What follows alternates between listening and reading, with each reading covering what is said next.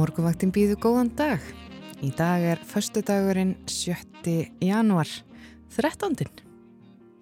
Og við setjum hér Gíja Holgistóttir og Guðrún Haldanudóttir. Góðan daginn. Og við höfum þetta bara allt saman eftir bókinni og lítum yfir veðrið eins og það var klukkan 6 á landinu og byrjum hér í Reykjavík. Í Reykjavík í morgun klukkan 6 þá var nýju steg frost, létt skíjað. Á Kvanneri var 15 steg frost og 5 steg frost á Stikisholmi og þar var all skíjað. Og við færim okkur hér yfir á vestfjörðina Patricksfjörður, mínus 2 gráður, mínus 1 gráða í Bólungavík og í Littlu Ávík var skíjað og við frostmark 0 gráður. Mínus 1 gráða í Hólmavík. Á Blöndósi voru mínus 10 gráður og vindur að austan í morgun klukkan 6. Mínus 2 gráður á Söðanisvita og á Akureyri var skíjað klukkan 6 í morgun og frostið mældist, mældist mínus 6 gráður. Það er nú ekki kvast þarna og heldur ekki á Húsavík, þar var logn klukkan 6 í morgun, frostið mínus 3 ár. Og ef við færim okkur hér yfir á Melrakka sléttuna á Rauvarhöfn var hitast í 2 gráður. Sérstaklega rauðar tölur þarna. Um, svo er það skjaldingstæðir, þar var heitastíð ein gráða, það mallar svona í kringum frostmarkið, eins er á eigilstaflöfli það voru mínus tvær, lítisátt að snjókoma stendur hér klukkan 6 í morgun og upp til fjalla á grímstöðum, þar var lokn, alveg eins og á Húsavík, mínus 6 gráður. Og rauðutölunar halda áfram hérna yfir á Suðausturlandið Á höfni Hortnaferði var hiti einn gráða og sömulegis á Kvískerjum. Á Kirkjubægaklaustri mæltist, já það eru 0 gráður og Stórhöfða eru tveggja gráðu hiti. Og yfir í Árnessið þar er byrjar aftur að verða aðeins kaldara, þar eru mínus 9 gráður en það er hægur vindugreinilega á öllu landinu. Og yfir á hálendið á Holtaværaheiðinni var mínus 6 gráður, veiðivatnarhaunni var frostið mínus 9, mínus 11 í sandbúðum og á káranjúkum mældist uh, já, frostið mínus 8 gráður.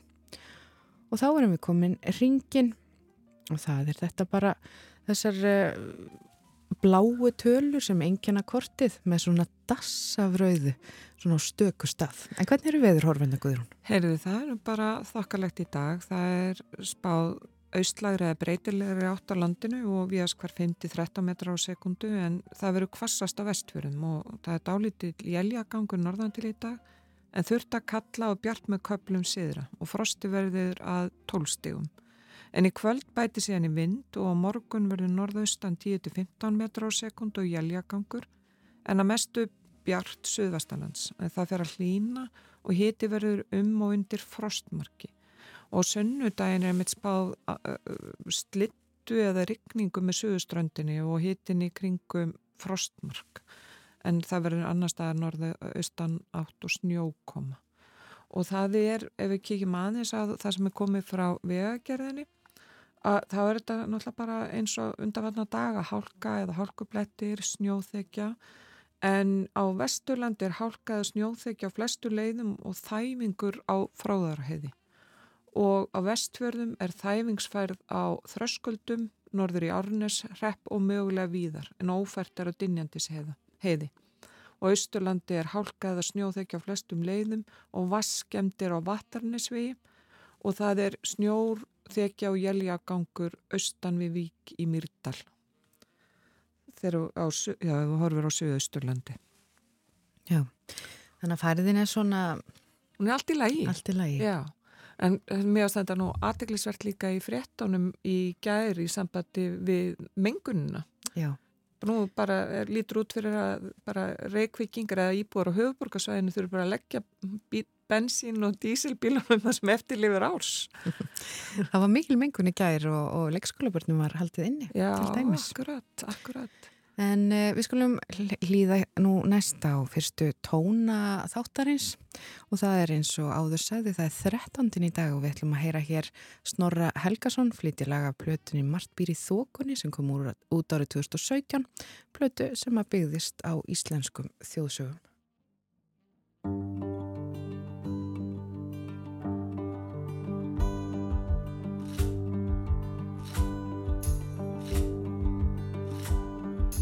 Sá sem skapaði sól og tún í sínum ring Á þann kong við allir trúum í undirbing Sá sem skapaði sól og tún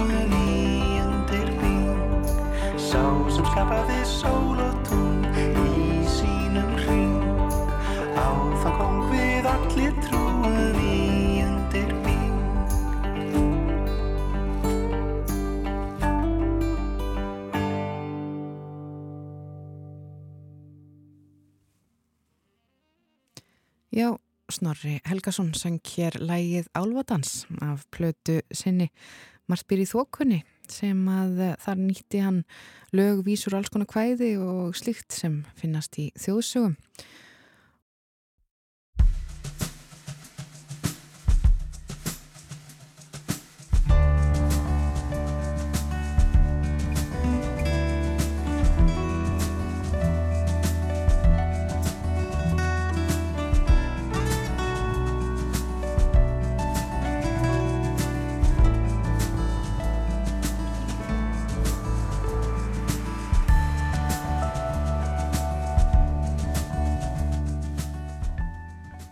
Morgavaktin heilsar og býður góðan dag. Í dag er förstu dagurinn 7. janúar. Við heyrum fréttur af skelvilegu ástandi í heilbreyðiskerfinu nánast daglega. Ekki bara á landsbítalanum heldur einni á heilsugjastlinni og heilbreyðistofnunum á landsbyðinni. Steinu Þorðardóttir formaður Læknafélags Íslands fer yfir stöðuna eftir frétta yfirleitt klukkan halv átta. Og Kristján Sigur Jónsson, rýtstjóri túristaverðar á sínum stað og fer yfir ferðamálin eftir frétti klukkan átta. Við veltum líka fyrir okkur hefðum og síðum enda ærið tilefni til. Í dag er 13. sem markar lok jólana. En hvaða hefðir eru tengdar þessum degi? Við veltum því fyrir okkur með Vilhelmínu Jónsdóttur. Hún er dóttorsnemi í þjóðfræði og sérum vefin lifandihefðir.is. Hún verður hjá okkur í lok þáttar upp á klukkan hálf nýju. Og við gerum líka tilrun, aðra tilrun, til þess að ringja vestur á Bólungavík og við heyrum hljóðið í bæjarstjórunum, honum Jóni Páli Reynsinni. Við reyndum að ringja í hann í gær, uh, en það var eitthvað, eitthvað vesen á, á símkerfi, þannig við gerum aðra tilrun núna og erum spennt. Við heyrum meðal annars af útlutum byggðakvota og almennir uppbyggingu í Bólungavík og hann Jón Pál verður á línunni um kortir yfir sjö og umsjónamenn morguvaktarinn í dag eru Gíja Holmgjessdóttir og Guðrún Haldanadóttir.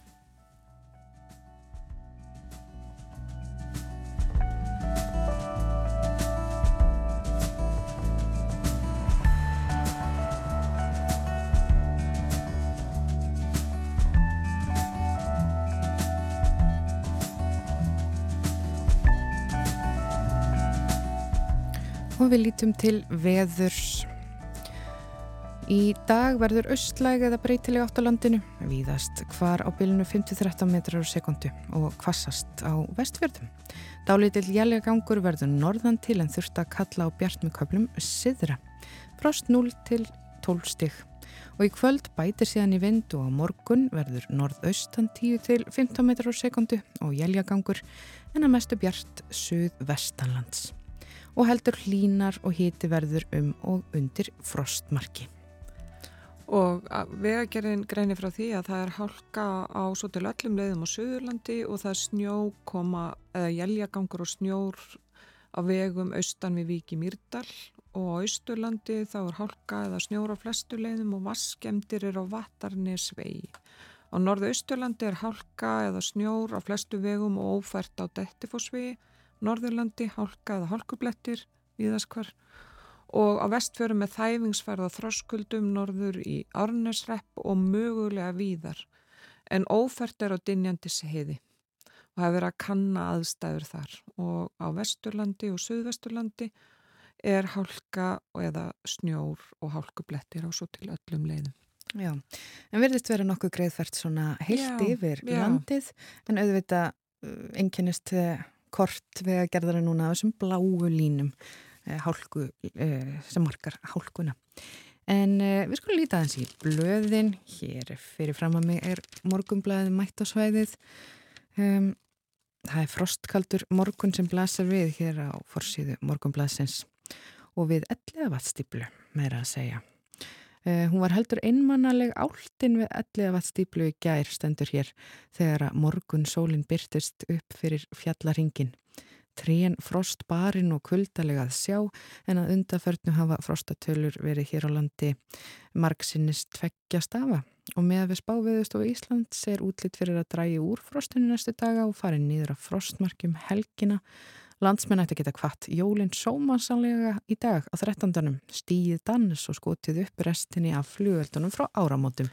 Akkurat, við vorum nú ekki búin að minnast á það en það viðrar vel til 13. brennu. akkurat og þær verða víða og ég sá einmitt í fréttablaðuna Vestmannegingar bara býða spendir. Já, það ekki. En þetta er óskaplega falleg mynd hjá Átna Sæberg. Virkilega falleg mynd. Það lýsir kannski vel stöðunni í Reykjavík og höfuborgarsvæðinum bara almennt um þessa myndir. Akkurat, það er svona frostilla sem er nú nokkuð við um landið. En það er einmitt hér á forsýðu morgunblæsins einni sem var sagt frá í fréttum myndafinni Guðrún Hafstensdóttur og sagt að hún muni taka við embætti dómsmálaráðara í mars. Um, á forsýðu morgunblæsins er einnig fjallað um frankandaleifi um, eftir nokkra mánuði varandi kvamsvirkun og hér stendur sveitastjórnir Rángarþings Ytra og Skeiða og Gnúbuverja Reps eru byrjaðar að fjalla um umsókn landsvirkunar framkvæmda leifi vegna kvamsvirkunar í Þjórsá. Otviti Rángarþings Ytra telur að gera þurfi samfélags sáttmála um framkvæmdina og frekar í nýtingu orku í héræði og Otviti Skeiða og Gnúbuverja Reps segir að í ferlinu hinga til hafi ekkert verið fjallað um samfélagslega áhrifvirkjanarinnar og þurfi landsvirkina svara ímsum spurningum sveitastjórnarinnar. Oddviti Rángarþings ytra telur að það taki einhverjar vikur að afgreða málið en Oddviti Skeiða og Gnúb verja reps regnar með að umfjöllunin taki nokkra mánuði. Þetta er svona, uh, það er auðvitað mikið ferli sem að er að bakvið svona framkvæmdar leifum og inn í blaðinu er einnig verið að eh, fjalla um já, uh, erfiðleika hjá veitingamönnum. Það er hérna rætt til dæmis við hrefnu Sætran.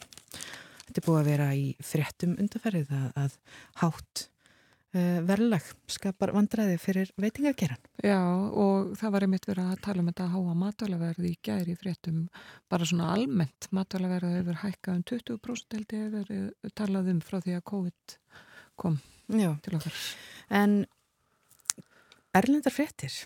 Já, það er náttúrulega bresku fjálmularnir eru með, með Harry Prince og bara bresku konungsfjölskylduna og nánast öllum fórsíðum út af þessum enduminningum Harrys, það sem var að skeifan blessaður og, og þetta er talað um eins og í bara blöðum eins og Times, þetta bara, þetta bara já, það sem að sagt að hann þarna greini frá vandræðum og lindamálum og, og eins og, og bara já, forsíðan á The Daily Telegraph. Ekki mm. giftast Kamilu.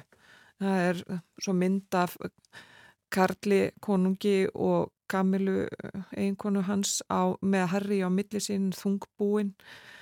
Þetta er ekki gott. Og þannig vantilega verið að vísa til þegar að e, orða Harrys orðandi já, já.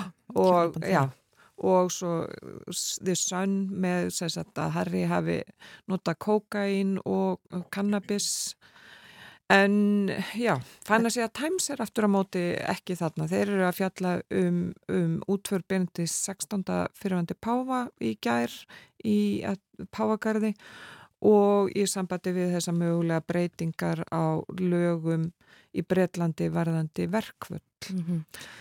Það er í sem ég tók eftir vanandi þessa um, fjöllunum um Harry uh, Bretaprins að, að hérna, hann til dæmis opnar sig um ja, sinn hlut í, í stríðsátökum já, og segist hafa já, orðið uh, fólki að, að bana, bana í, í þáttakursin í stríði í Afganistan. Þetta er Og, og við töluðum nú einmitt um Afganistan hér í gær, við, hún Erna Íbraheimsdóttir var hérna hjá okkur og hún er frá í Afganistan og náttúrulega skelvilegt ástandi búið, eh, lengi búið að vera þar. Mm. -hmm. Það er greinlega mikið uppgjör Já, hjá Harry. Akkurat. Og svo er sænskablaðið dagins nýheður að fjalla um réttarhöldi við fimm félugum auðgasamtakana Proud Boys á fórsíðinni og það er mjög tákgrænt að því í dag eru tvö ár frá árusinni á bandariska þingúsi og þetta, þetta er svona ofalega í huga líka fleiri fjölmila til mis aft, aftenpóstinu með mynd uh, sagt, af manni sem að Jeff Sjóepp, Skóepp, ég kann ekki svona bera þetta fram, sem var formaður nínasista samtakana í bandaríkjónum í 25 ár með mynd og á forsíðun af honum. Og viðtal við hann þar sem að hann sagt, var óttast hvað muni gerast sagt, í heiminum og þessar, það hefur snúið við blaðinu og þessar öfgarhefingar sem eru þjóðurnis populistar raunni, hann er að vara við þeim og þeirra framgangi ólíkt því sem áður var hjá hann og menninga, í menningarumfjöldinu dagins nýheir er fjallað um, er viðtal við hann Tom Hanks Hollywood, stjörnuna en það er verið að frum sína kvikmynd hans um óvi sem, sænsku, sænsku sem byggir á sænsku skáldsögunni maður er nefndur og óvi og myndin heitir A Man Called Otto. Og Tom Hanks leikur Otto Andersson í þessari sagt, mynd og eiginkona hans Rita Wilson eiginkona Hanks framleiði myndina með honum og sonur þeirra, Trúmann, leikur Óve eða Otto mm. á mhm. yngri árum í myndinni. Þetta er svona fjölskyldu framleiðsla. Já, já. Það er, það er alltaf gaman að starfa með svona fjölskyldunni, ætli það ekki? Já. En eigum við að hleypa það smá tónlist áður en við ringjum svo e, í bæjastjóra Bólungavíkur. Við ætlum að hlusta hérna á hana Unu Torfadóttur, flytja lægið Ekkert, ekkert að.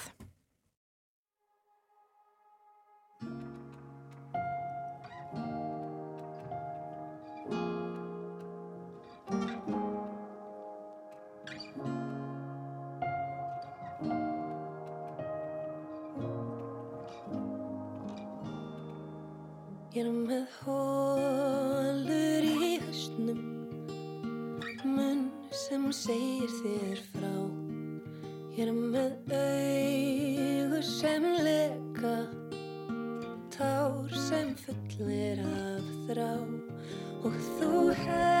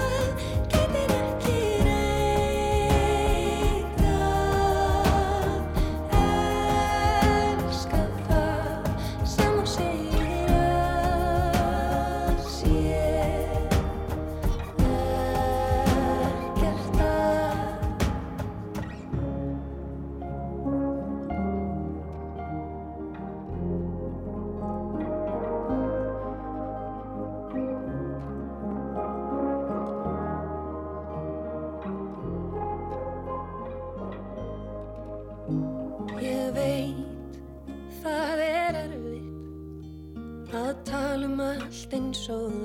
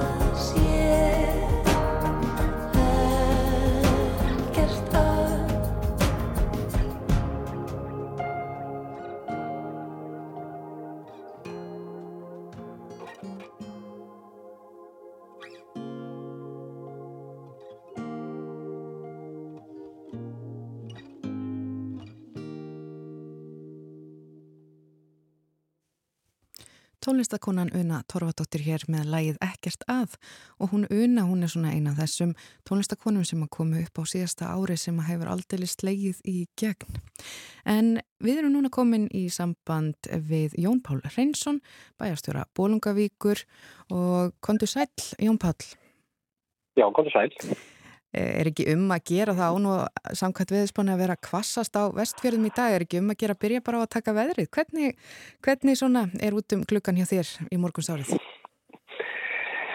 Sko, ég er náttúrulega búin að vera bæðustur í sex ár, þannig að ég er búin að öðlast alveg einstaklega færni að ljúa til um veður, sko. Þannig að þetta einstaklega hérna, erfi spurning til að byrja. Jú, sko. um við, þannig að ég, ég, ég um bara stopp þetta strax. Nei.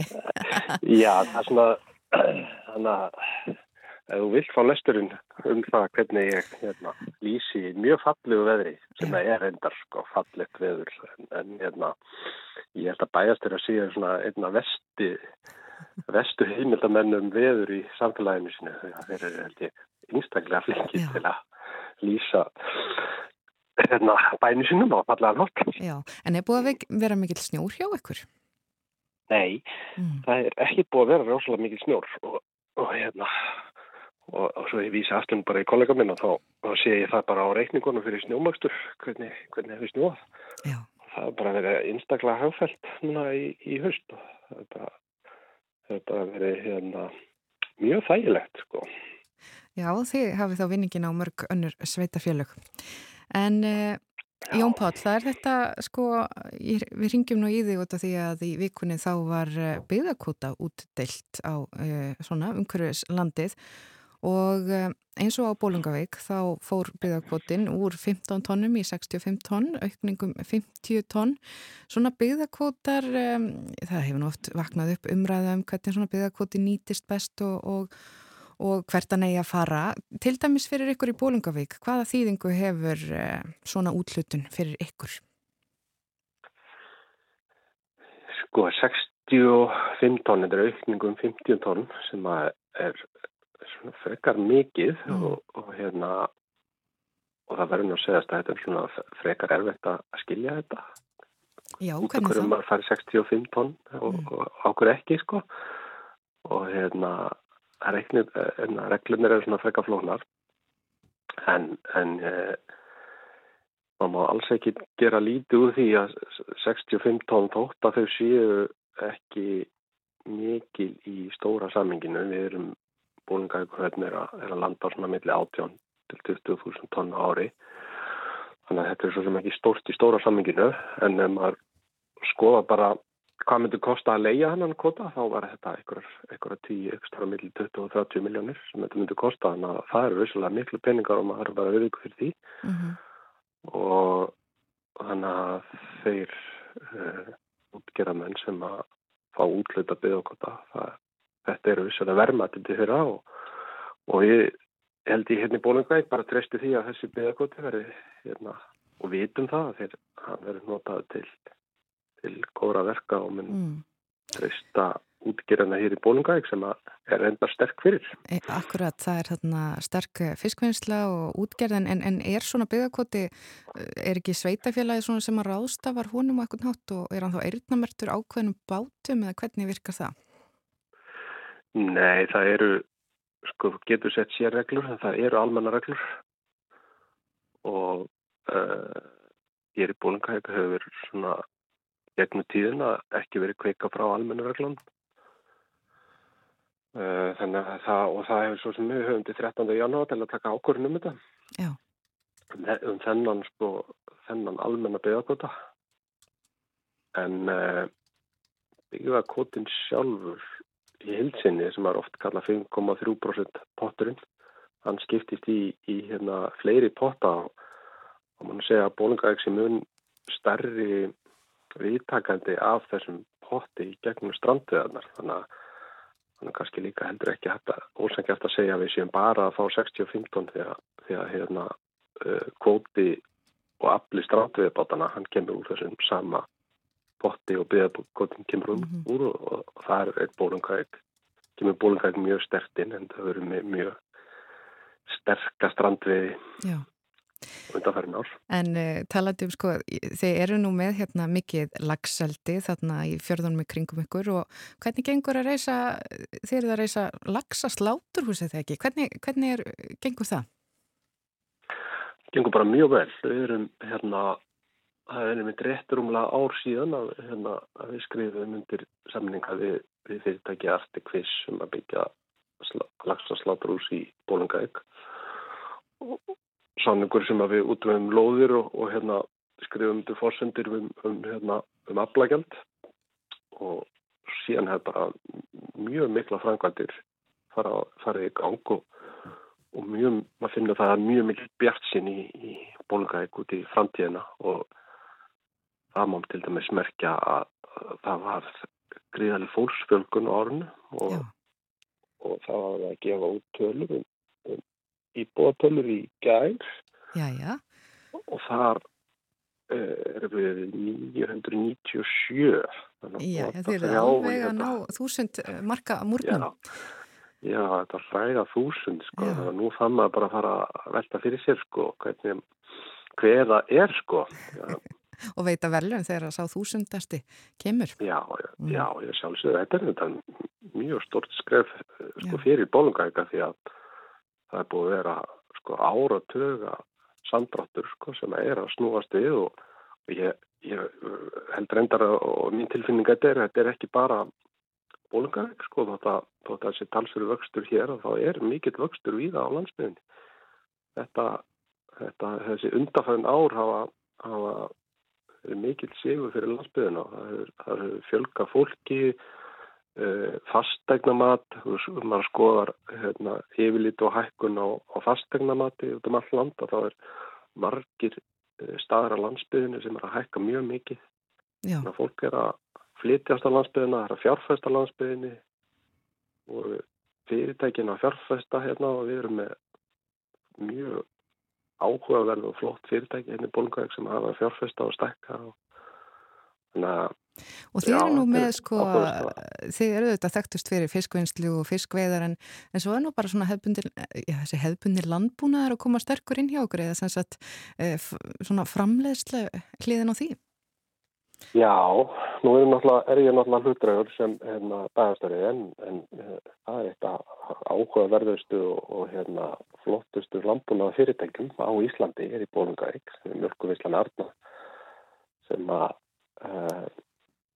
hefur verið í, í farabróti í, í nýsköpun og hérna, komið með nýja leiðir í, í framlegslu og mjölkurafrun mm -hmm það er einnig útrúlega gaman að sjá hvernig svona fyrirtæki hefur staðsett sig hér og, og næra að vaksa og, og búið til ótrúlega skemmtilegt vörumerki og, og bara gaman að sjá hvað neytundur hafa tekið hérna, örnu og vörunu vel og þetta skiptir gríðarlega miklu máli við bólingavík. Já, og er, eh, er ekki Arna staðsett í, í gömlu rækjuvinslinu á Bólingavík? Er það ekki rétt munað hjá mér?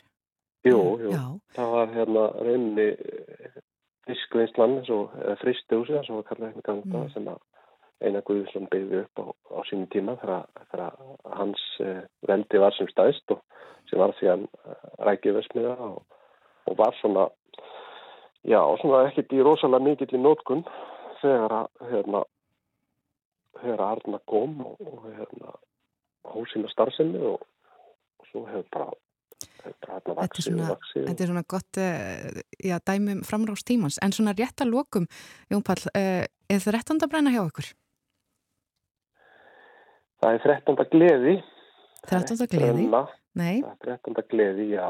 Þetta er hérna, mjög skemmtilegt mjög skemmtilegu viðbrur uh, sem að okkur þykir öllum vandum og það er sérstaklega mín kynslu sem á mjög góða minningar frá, frá þessum, þessari þrettanda gleði og ég man eftir þessu ég, hérna, þegar ég var alast upp á Ísafjörði að þetta var skemmtilegu viðbrur sem barn og, og hérna og ég heyri það á dótti minni og er mjög spennt og, og síðni að taka þátt í 13. glöðinni. Spennt að sjá álfa og huldufólk leika lausum hala. En uh, takk fyrir að vera á línunni hjá okkur Jón Póll Reynsson, bæjastöru Bólingavíkur og gangi ykkur vel. Já, kæra þakkir, gaman að heyri ykkur.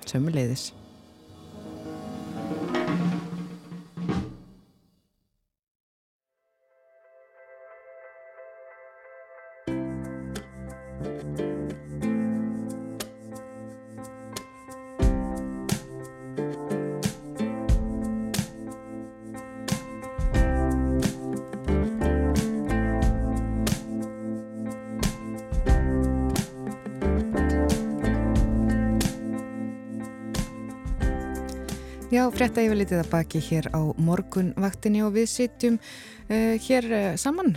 Guðrun Haldunandóttir og Gíja Hungestóttir, það eru þetta nóg framundan. Við ætlum að fara í ferðamálinn uh, hér á eftir, eftir áttafréttinnar með honum Kristjáni Sigurjónssoni eins og vanalega. Hann segir okkur alltaf helsta úr ferðamála að geiranum og svo er það auðvitað 13. það er 7. janúar markar enda jólana og það eru ímsar hefðir tengdar við þennan dag en við veltum fyrir okkur svona já, hvaða hefðir eru þetta og hvernig hafa þær breyst í gegnum tíðina og ímislegt uh, í þeim dúr og það kemur til okkar hér um, doktorsnemi í þjóðfræði og sem veit ímislegt um hefðir og, og hvernig þeim er viðhaldi og hvernig það breytast líka sem er svo mikilvægt en Hér framundan eh, næsta hálftíman eða svo, það eru heilbreyðismálinn. Já, það hefur fátt verið áberandi í frettum undarfarið eins og heilbreyðismálinn og tala um neyðar ástand á landsbítalanum, eldur á landsbítala og hvort sem þú talar við lækna eða hvert sem er í heilbreyðiskerfinu, það eru allir á bara síðasta snúning og við ákvæmum að fá hana steinunni Þorðardóttur öldrunleiknir og forman Læknafélags Íslands hinga til okkar. Velkomin. Takk fyrir. Ég, nú getur þú sagt takk fyrir. Já, takk kærlega. Sæl Steinun. Mm. Þetta er gríðarlega alvarlegt ástand núna, er það ekki? Jú, þetta er gríðarlega alvarlegt ástand og kemur þetta til af mörgu. Uh, við fúrum í gegnum hvað maður að segja ákveðna, ákveð þólpróf í tengslu við COVID-faraldurinn og það hefur oft verið orða þannig að, að, að þetta hafi verið þólpróf á helbriðskerfið og við höfum staðist það. En við stóðumst það að mínum að til fyrst og fremst vegna gríðarlega seglu og þólkeiða helbriðstarfsfólk sem bara, komur að segja, handsnýr okkur í gegnum þetta.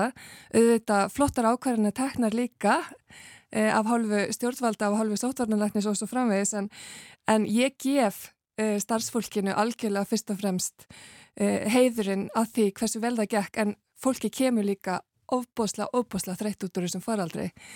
Og inn í ástand sem er í rauninni síst betra. Mm. vegna þess að kerfið var gríðarlega brótætt fyrir. Við erum með mjög fá bráða sjúkra rúm meða við meðaltal Evrópu Við erum með mjög fá gjörgæsli rými á sama mælikvarða, fórum inn í faraldurinn þannig, komum út úr honum þannig með örþreitt fólk og maður getur rétt ímynda sér, sko, mér finnst ekki flókið að sjá fyrir sér hvernig ástandið er þá núna þegar að þessi holskepla af ástíðabundnum síkingum rýður yfir þetta þreita fólk með þetta litla sveirum. Mm. Aðeins að bara umræðinni, mm. þið sendu frá ykkur neyðakall til dæmis vegna ástandsins að bráðamótikunni, hávart neyðar mm. bara óp uh, viðbröð stjórnvalda hafa hins vegar ekki sko, já, segð þú viðbröð stjórnvalda, hver er þín sín á þau? Sko, mér, þau eru auðvitað eru menn að reyna og ég vil alveg gefa fólki líka kredit fyrir það, en maður orða það svo leiðis og, og ég veit að til dæmis núverandi helbreyðsráð þegar hann kemur ekki inn í öðvelt verkefni. Ég meina faraldurinn er að klárast, uh, allt þetta er búið að gera sem ég er að nefna, kerfið er svona brótætt og þetta er búið að vera áratuga þróun en þeiminn frekar verður maður að stíga gríðilega fast neður og hérna, mér finnst hlutinir ekki gerast nú rætt, bara alls ekki. Og það sem við söknum er líka sko skýr skilaboð um aðgerðir, tímasettar aðgerðir og skýr skilaboð um það að við munum ekki þurfa að standi þessu mánuðum eða árum saman til viðbútar. Ég bara ef ég hugsa um fólki í kringum mig þá eru margir að tala í vikum um það hversu lengi þeir eru að fara að halda þetta út. Þannig að við verðum að fá ofan bæði skilning sem að þarf að vera algjörlega útfýraður uh, og að, að fólk skilji um hvað máli snýst og sé ekki að tala á mót okkur því að ég, það hvert mannspatt sem vinnur í kerfinu og hvert mannspatt sem leitar til kerfi sem sér þetta, þetta með eigin augum. Að við séum bara öll sammálum vandamáli það er nummer eitt. Og svo að fá aðgerra á allun sem er tímasett strax.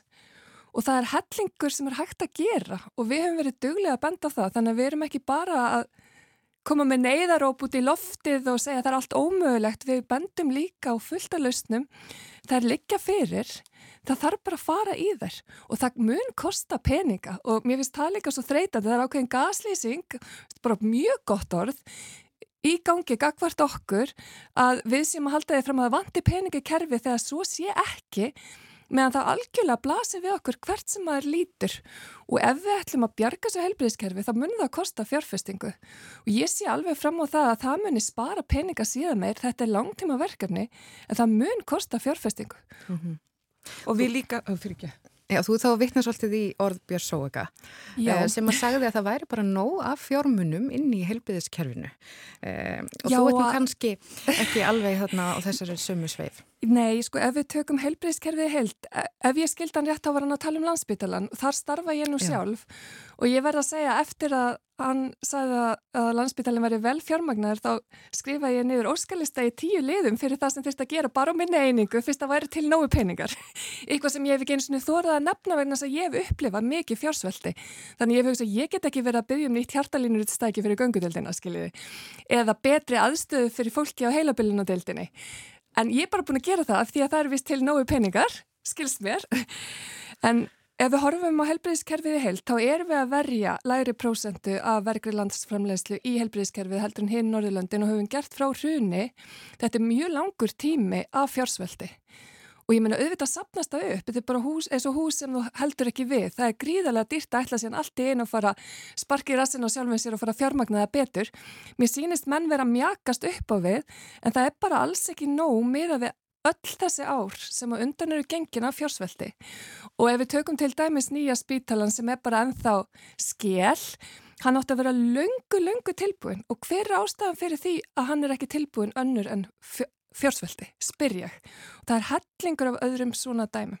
Og svo er líka það að við erum að horfa á bara allt öðru sér Ísland núna heldur en fyrir hrunn. Það eru miklu fleiri sem búa hérna mm. og ferðamenn, miklu fleiri ferðamenn. Já, og Mér heyrist að ég að ræða ferðarþjónustuna eftir og það er náttúrulega gríðalegt ánægjafni hversu velgengur þar en það þarf að huga innviðum og ekki hvað síst helbreyðiskerfinu og ég menna það getur komið mjög illa, komið sér mjög illa fyrir helbreyðstjónustuna eða berst út að hér sé, nei fyrir ferðarþjónustuna afsakið, eða berst út að hér sé ekki að treysta á helbreyðstjónustu. Ég menna ferðarmenn eru út um allt land. Ég til dæmis fór á Tröllaskagan þegar við fórum hringin í kringum landið í vor og þar eru, þar stafnir í læknaskort ef ekki verður gripið inn í. Það er mjög vinstalt ferðamannasvæði. Það hafa orðið mjög alvarleg slis meðal annars maður sem að, misti fætunar á fjallaskiðum. Ég meina þú verður að hafa lækni hér að þú verður að hafa viðbrað og út af íbúinum en bara nú erum við að tala um ferðarþjónustuna. Þannig að ég velti fyrir mér sko framtíð Íslands er ferðarþjónustuland ef við ætlum ekki að manna helbriðskerfið okkar almennilega. Og við sjáum það eins og að bráðamótökunni þegar kemur inn stórslis að læknarnið þar og hjókurnafræðingarnið þau segja það er ekkit víst að við getum tekist á við það. Nákvæmlega og ég svona, fylgist alltaf með þessum tölum hvað eru margir að býða eftir að komast upp í hús af bráðmáttökun og þetta hafi verið núna undanfarnar daga allt upp í 40 manns sem eru þá aukalega og það er náttúrulega leið á öllum göngum í öllum hérna, hotn jöfnum upp með öllum veggjum það er náttúrulega augljóst að stórslis passar ekki inn í þessa jöfnu og við erum ekki með neitt annað sjúkrahús á höfuborgarsvæðinu sem getur tekið við nefnum þá kannski einhverjum litlum hluta. Og ég veit að kragasjúkrahúsinu er líka gríðarlega aðfrengt, maður er búin að hitta fólk þar Þar er líka mannekla, fjárskortur, plásaskortur, þannig að allt kerfið er algjörlega þannig til eins ítrasta og þetta er mjög óhugnalega upplifum þegar við búum á þessari eigu. Mm -hmm. Starri samfélag geta dreft álægi víðar yfirleitt, það Já. getur við ekki. Talandum að dreifa álægi og svolítið eh, talandum landsbyðina, mm. það var nú í fréttum bara núna nýverið að sjúkraflug hafa nú aldrei verið fleiri mm. og það er nú uh, meðal annars rakið út til sko lækna skorts á landsbyðinu mm. og þá er já, sjúklingar sendir hinga á höfuborgsveið þar sem allt verðist nú þó vera frekar eh, pláslíti. Hvernig, hvernig fer þetta saman og hvernig gengur og hvað sérðu í stöðinni? Já, ég bara hef sko stórkostlegar áhyggjur á landsbyðinu og mörgum stöðum á landsbyðinu og ég veit af spegðalögum þar sem að er, ég vil eitt læknir búin að vera á vakt stöðugt og það er að tala um allan sólæðingin, alla dagveikunar í marga mánuðir. Ég er að tala um Vestmanæjar, ég er að tala um Ísafjörð meðal annars og ég veldi fyrir mér sko líka þetta, hver er framtíðar hugsunin þarna? Þetta fólk mun ekki halda þetta út, það er bara augljóst. Þetta er fólk sem á fjölskyldu, það á sér líf en upplifir, ég get ekki farið í sundeinu sinni þegar ég er á vaktin og það er á vaktmarka mánuði í rauð, vegna þess að ég þarf viðbræði, ég þarf að vera mætt á staðin að það er eitthvað alvarlegt á segði og þetta er fólk sem býr í samfélaginu innan um aðra, í sama samfélagi þetta eru nágrannar og vinir. Þú getur ekki bara, herru ég bara ég ætla, skiljur, nú bara leggja vakt síman það þarf bara einhver annar að leista ég farin. Þú gerir það ekki gagvart fólki sem þið ekki væntum, sem er í kringum þig. Þannig að það er líka verið að spila á meðvirkni þessara lækna, að það, þessi tilbúinu endalist að sinna þessum beðalögum og þessu hvað fjölskyld og vinnum en auðvitað brennaður út af lókum og það gerist rætt við svona kringustæðir og það verður alls ekki verið komið til móts við fólk að mínum að þetta nægilega hvað þetta varðar að reyna allt sem hægt er til að manna þetta betur og fá afleysingar fyrir þessa lækna. Og það eru dæmi til dæmis í Núrejum gríðarlega háar greiðslur fyrir afleysingalækna til þess að koma til þess að leysa förstulæknan af en þess að það er bara álitið auðvitað nöðsin að þeir fái sína kvild. Ég er ekki að segja að það sé góður staður að vera og við viljum hafa fastræðna lækna sem vilja búa á stöðun. Það er auðvitað ákjósunulegasta ástandi en meðan þetta er svona, akkur er ekki meira reynd til að fá afleysingar fyrir þetta fólk og létt undir með því. En getum við, ef við horfum á stöðun eins og hún er í dag, mm bráðamótokan, það er bara hræðilegt ástand mm. þar. En við getum ekki retta læknum og hjókunarfræðingum 1, 2 og 3. Nei, og við þurfum að huga því líka. Við erum til dæmis, ef við horfum á tölurnar á Íslandi með lang eldstu læknana á Norðurlöndunum. Við erum með 40% sem eru 55 ára eldri og það er eins og segja við erum með langalstu læknana. Mm. Þannig við þurfum líka bæða hugað nýliðin og svo þurfum við líka að horfa utan landsteinana þar sem eru hundruðir íslenskra lækna sem hafa valið að vinna áfram úti eftir sérnám, hafa ekki treyst sér til að koma heim og mér líður alltaf pínu illa þegar ég er að ræða helbreyðiskerfi ofinbarlega því að manni finnst að maður sé jafnvel að fæla fólk enn frekar en við verðum bara að tala skýrt og þetta fólk þarf líka að heyra að það eigi að gera eitthvað til að bæta úr ástandinu til þess að það geti hugsað sér að vinna hérlandis.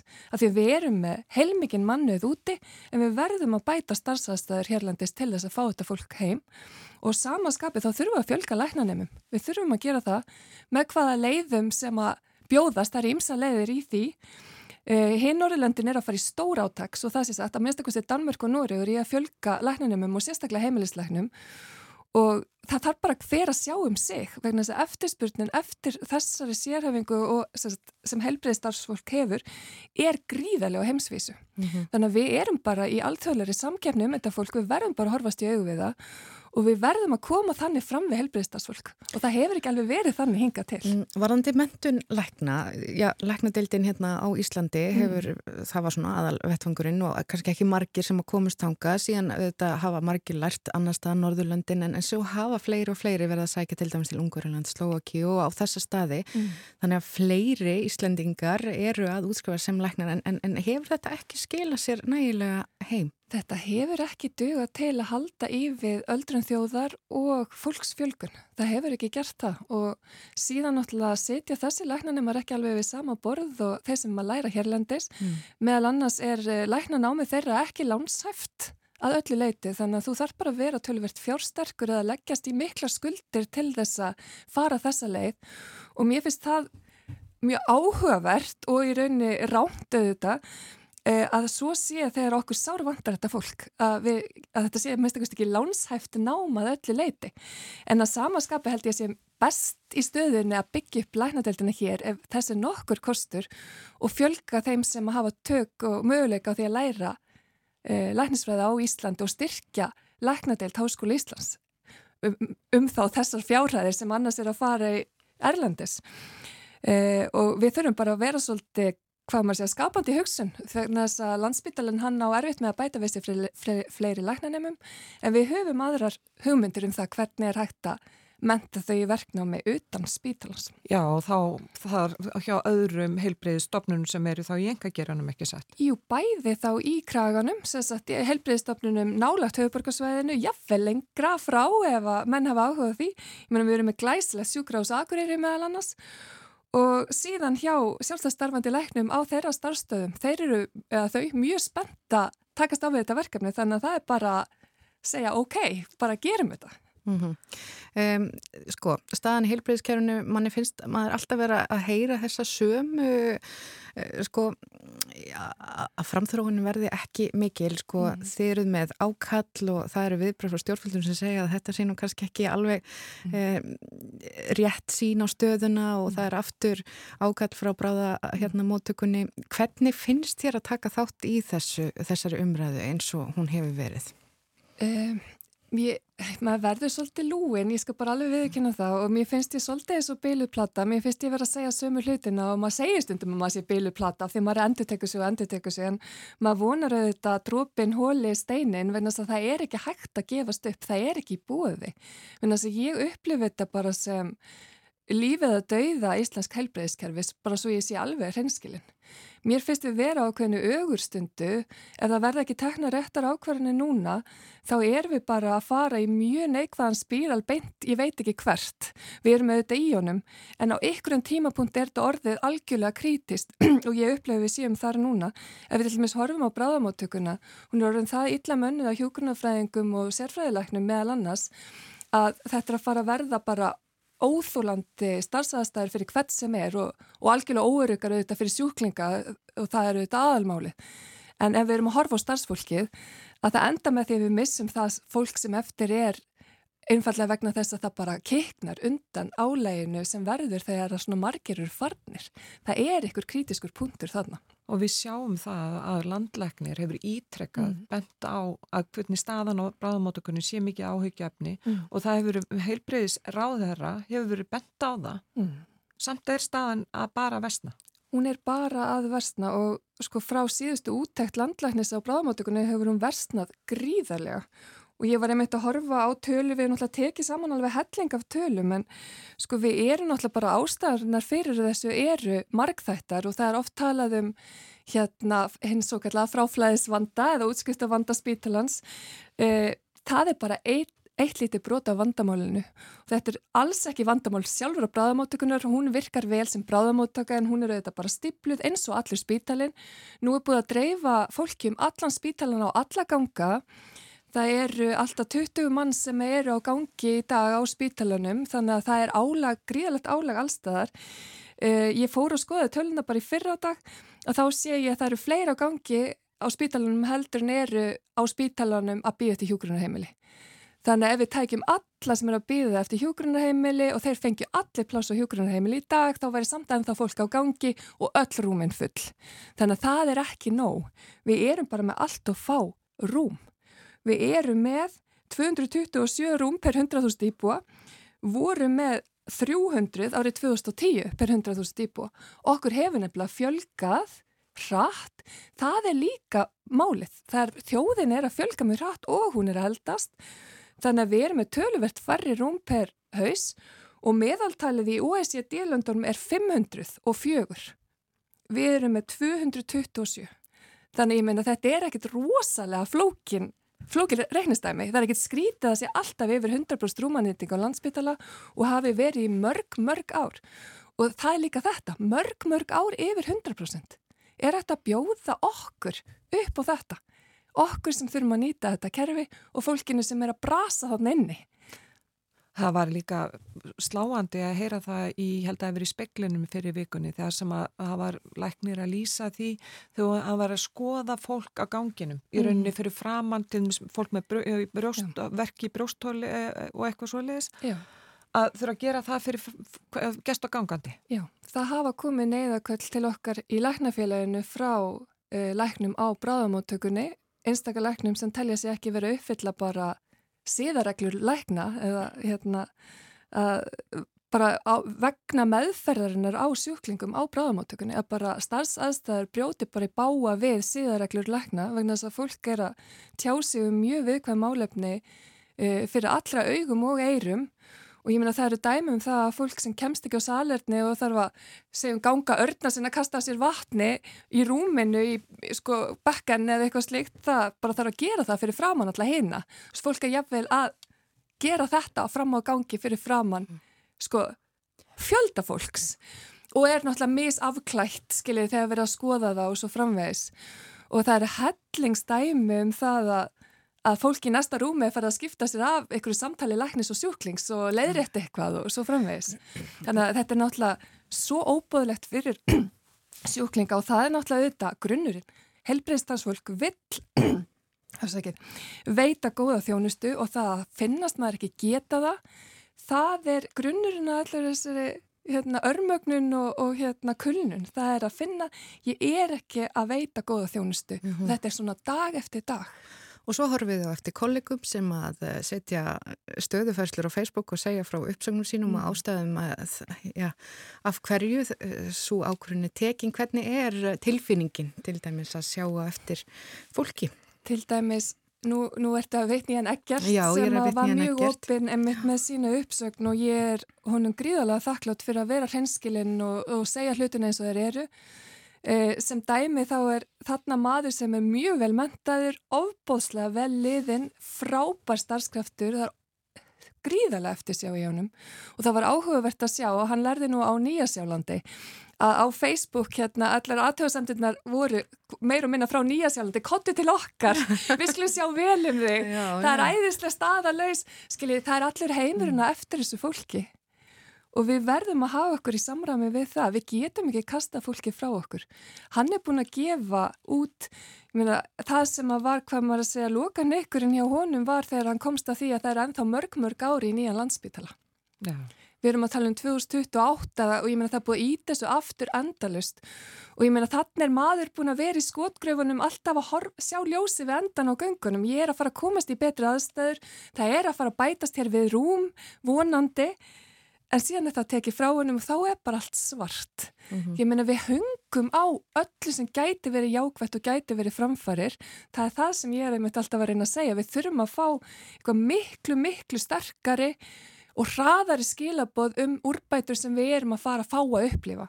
Og ég hef til dæmis gríðarlega ágjör að næsta sumri.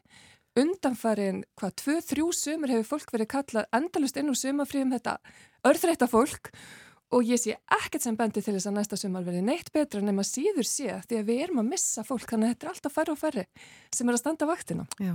Og þú kallar þetta augurstund, þú sagði það? Ég upplifi þetta þannig, mm. alveg klárlega og þetta er bara eitthvað kerfi sem við hefum mjög góða yfir sín yfir verandi í læknafélaginu, þetta er bara manns hjertansmála ástriða þetta kerfi að fylgjast með því og haksald þess eða þá ekki og ég upplifi þetta sem augurstund ekki spurning Akkurat og við sjáum þetta er eins og þú nefndir annars staðar á Norðurlöndunum, það er í Fraklandi, mm. Le Monde er með það á forsíðin í dag, er að fjalla um stöðuna þar, Já. það er talað um svartan janúar, það eru er, er, er allar bráðmótöku fullar, það er allt vo, á vonar völ í heilbreyðskerfinu þar. Já. Emmanuel Macron fórseti mun fjallum þetta mm. ofinbörlega í dag.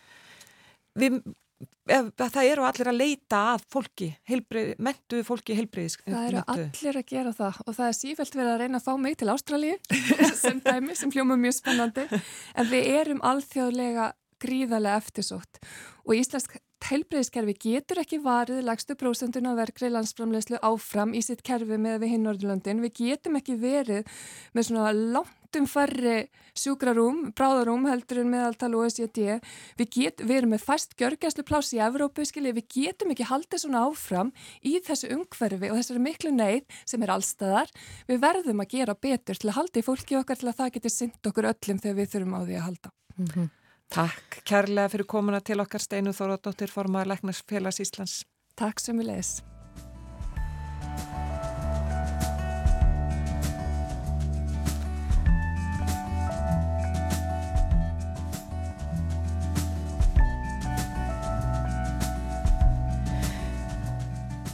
Já, það líður að fréttum hér á uh, eh, Ráseitt. Hún var hérna hjá okkur Steinu Þólaðdóttir, sagði frá helbriðskerfunu. Já, það er slæmstaða þar, eiginlega verulega, það komið á augur stund, segir hún. Já, og það er auðvitað bara alltaf spurning hvað stjórnvöld uh, segja svo á móti svona uh, hrópum. Akkurat, máli verður rætt í velferðar nefnd alþingis núna eða þingjum saman eftir miðjan mánuð. Ég held að það sé í kringu 20. En við skulum hleypa fréttunum að hér á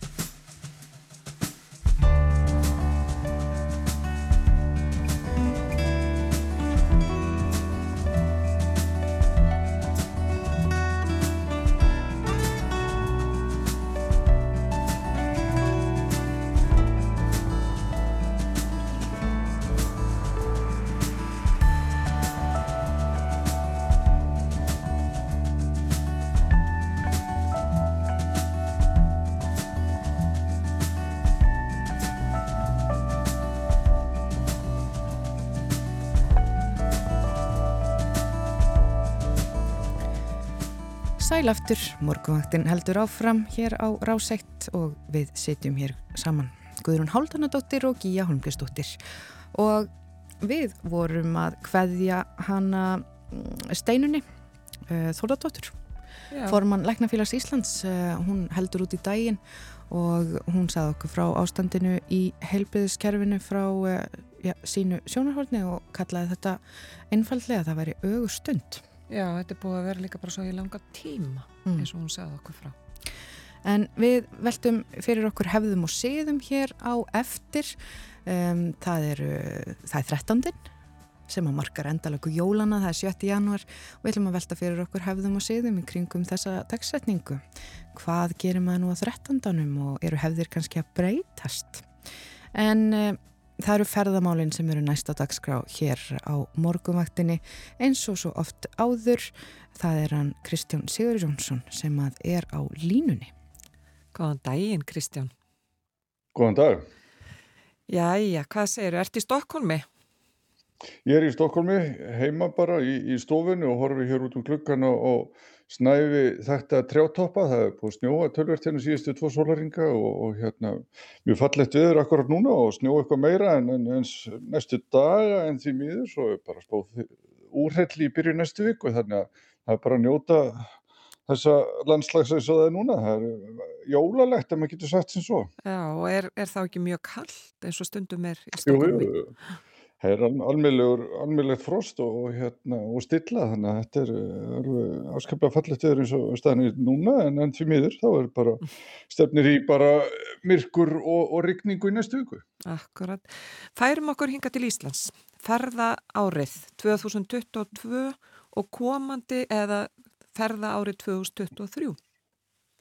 Já, það er alveg ótt að segja að að heimsbyðin hafi verið á ferðin í, í, í fyrra og sérstaklega svona eh, í Evrópu og, og, og í bandaríkjónum, það er að segja landamæri opnuði svona upp á gátt og ný í svona lok síðasta vetrar og þá hérna, fór fólk á ferðina.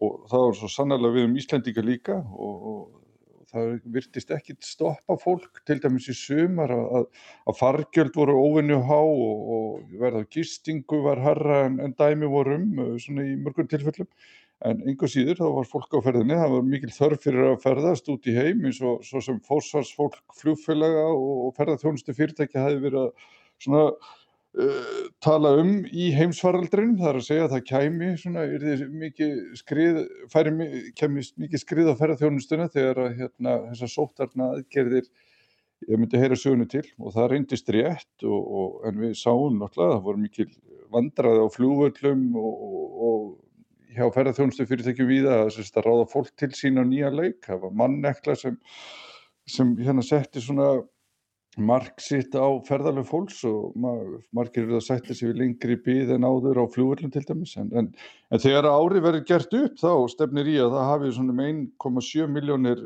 ferðamanna komið til Íslands árið 2022 sem er uh, mjög mikið í samanbyrði við sjálfur sér ástand eða sérstaklega við horfum á hvernig ástandið var og með árið 2018 þá komið 2,3 miljónir ferðamann til Íslands og, og því er spáð að það með já, falli á, á, á þessu ári. Uh, já, hvernig eru horfurnar í ár?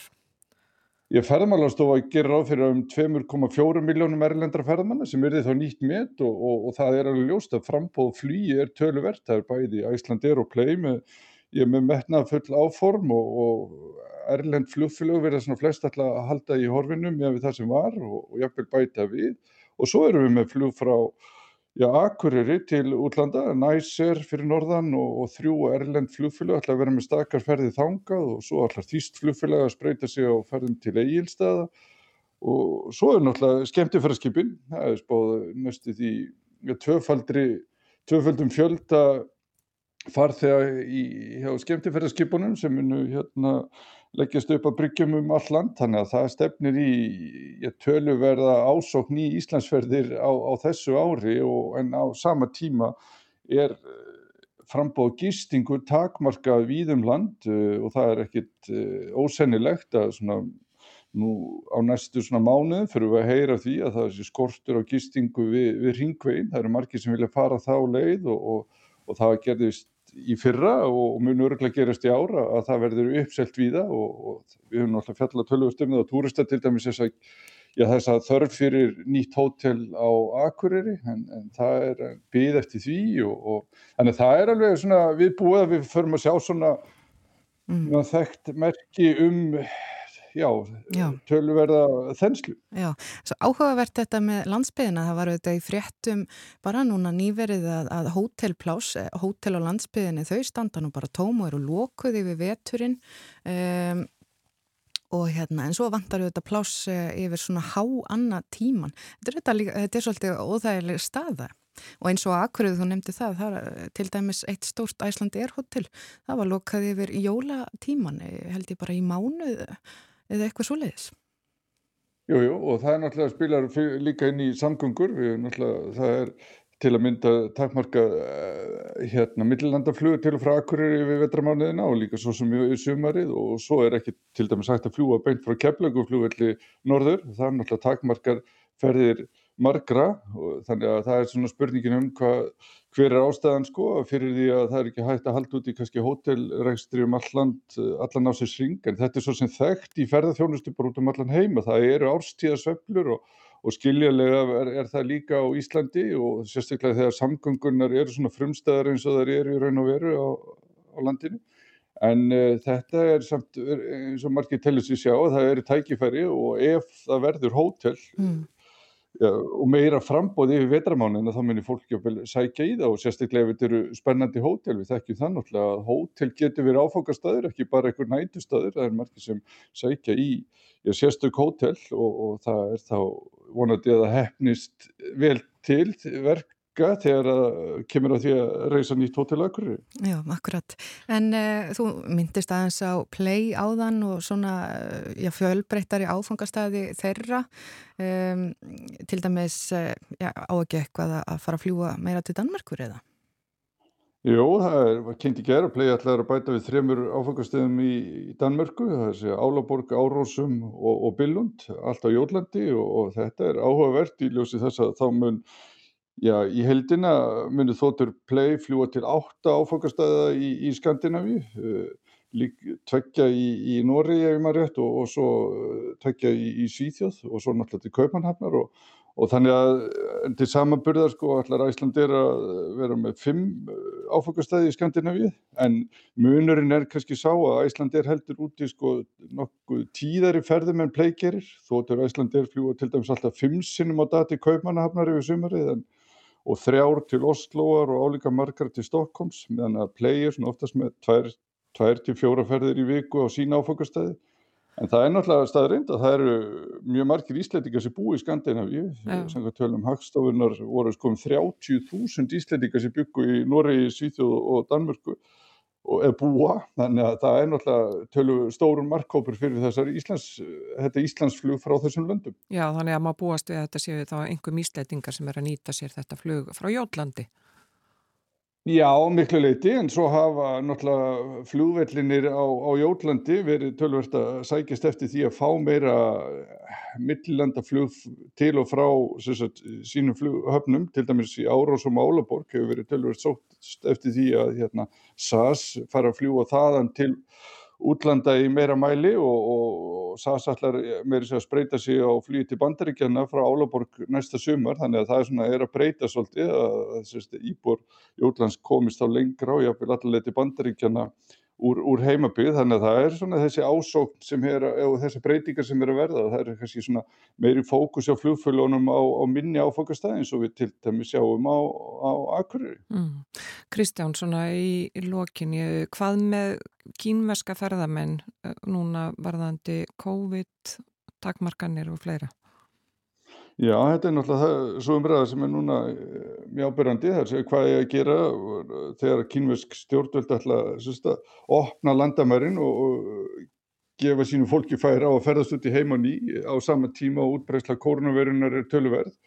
Og hérna Evrópasambandi hvetur til aðgerða og það er að verið teknar upp svona ákveðnar takmarkanir og, og prófanir á, á kínuskum ferðamönnum og meðan að allþjóða samtök flugfélaga vilja að þetta verði þessar aðkerri verið stöðaðar í fæðingu þannig að þetta fólk getur ferðast á nýjan en það er staðrind að, að Ísland fekk töluverðan hóp kynverskar ferðamanna uh, fyrir heimsvaraldur það voru um 140.000 kynverski ferðamenn sem heimsóttu Ísland árið 2019 og, og, og í ár hefur samdráttinu verið um 80-90% þannig að en og fyrir heimsvaraldur þá var vægi kínverskar ferðamann mjög hátt á Íslandi mm. meðan við til dæmis hinn Norðurlundin þannig að, þannig að það er ef við getum orðað þannig tölvust undir fyrir íslenska ferðarþjónustu að kínverjar fara á ferðin á ný en, en, en, en það verður náttúrulega við erum svo sem ábyggilega bundin að því að fylgja svona sömur reglum og, og Evrópussambandi setur í sínum aðeldaríkjum varðandi hérna,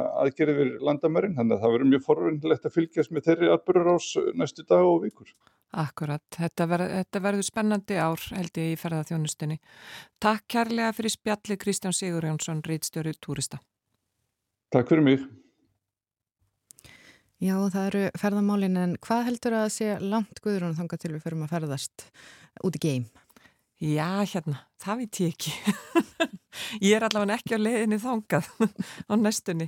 Nei, og þú ert ekki spennt til dæmis fyrir Mars sem áfangastað? Nei, en ég væri alveg til ég að velta fyrir mér lífun á Mars Já. með honum David Bowie, en það eru sem sagt tveira þekktustu tónlistamönnum 20. aldarinnar eru fættust á 8. januar. Það eru David Bowie og Elvis Presley og við myndust nú Elvis Presley en hérna í gær en þeir eru bara báðir látnir því miður. Já. en við skulum heyra Live on Mars með David Bowie.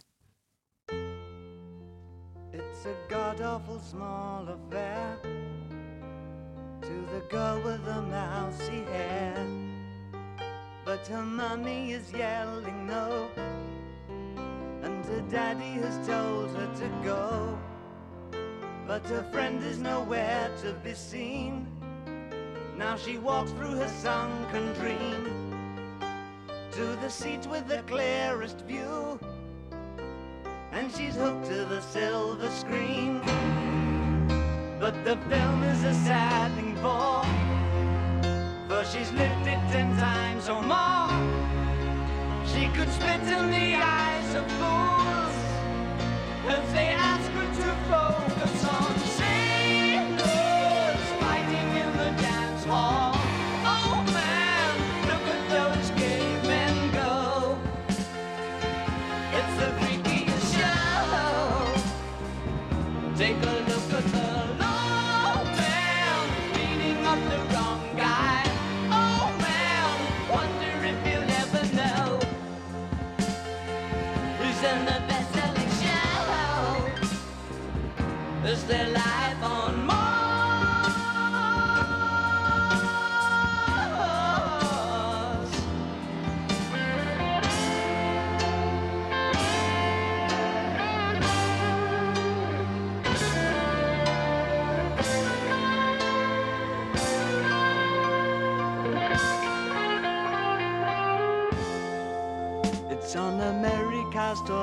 brow that Mickey Mouse has grown up a cow.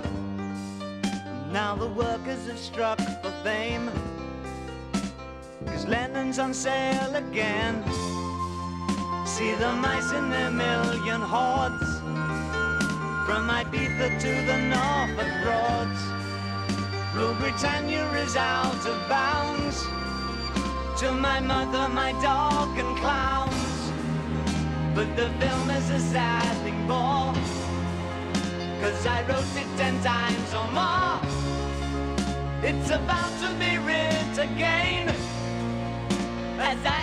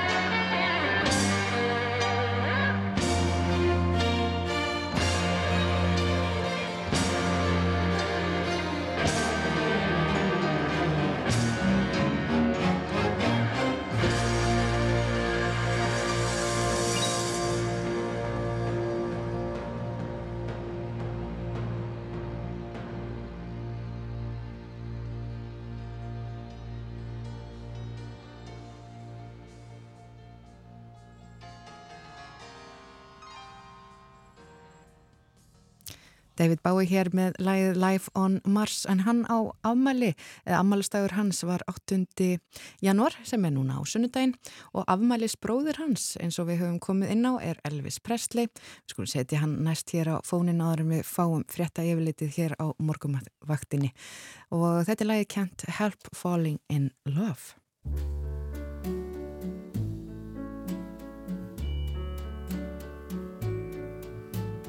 Wise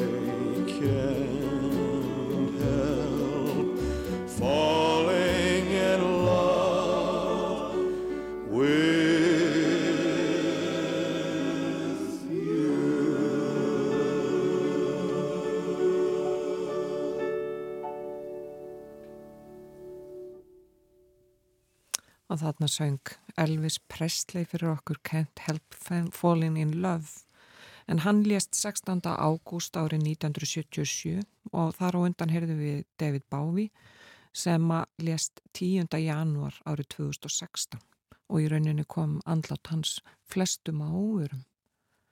Já, það má segja það. En um, við höfum fjallað um hér á morgunvaktinni, við ringdum í, til Bólungavíkur núna, já, alveg eld snemma, vöktum þar bæjarstjóran um, og ég ætlaði nú að spyrja í sko, ég nefnilega rakst á það á heimasíð bæjarins að hann er líka hafnarstjóri. Já. Bæjarstjóri og hafnarstjóri. Það er nóg að gera hjá honum. Greinilega nóg að gera og hann sagðist vera vanur því úr svona viðtölum að lýsa veðrinu fyrir hérna en, en hann sagðist nú alltaf færa það svolítið. Já, mér fannst það ágætt hjá honum þetta væri svona hlutar bæjastjóra að svona veðri væri alltaf gott. Mm, Alltaf þessi starfslýsingandi. en við rættum líka við formann Læknafélagsins Já, Steinu Þóradóttir kom hérna til okkar. Já, hún sagði frá bara þessu bagalega ástandi, uh, sérstaklega á bráðamótökunni, bara almennt í helbreyðiskerfinu. En, uh, og auðvitað Kristján Sigurisson var hérna með okkur áðan og sagði okkur frá ferðamálunum en hér á eftir þegar frétta yfirliti líkur þá ætlar að koma til okkar doktor í þjóðfræði, það er hún Vilhelmina Jónsdóttir, hún er líka umsjónumadur uh, vefsins lifandi hefðir.is, það sem er svona fjallaðum uh, hefðir og hvernig það er uh, já, þróast og breytast og þetta kallast óáþreifanlegur menningararfur. Þetta er svona verkefni, hún segir okkur nána frá þessu en líka ætlum við að bara spjalla við hana almennt um 13. En farið ekki langt, frétta yfirleitt er hér handan hortsins og svo 13. spjall.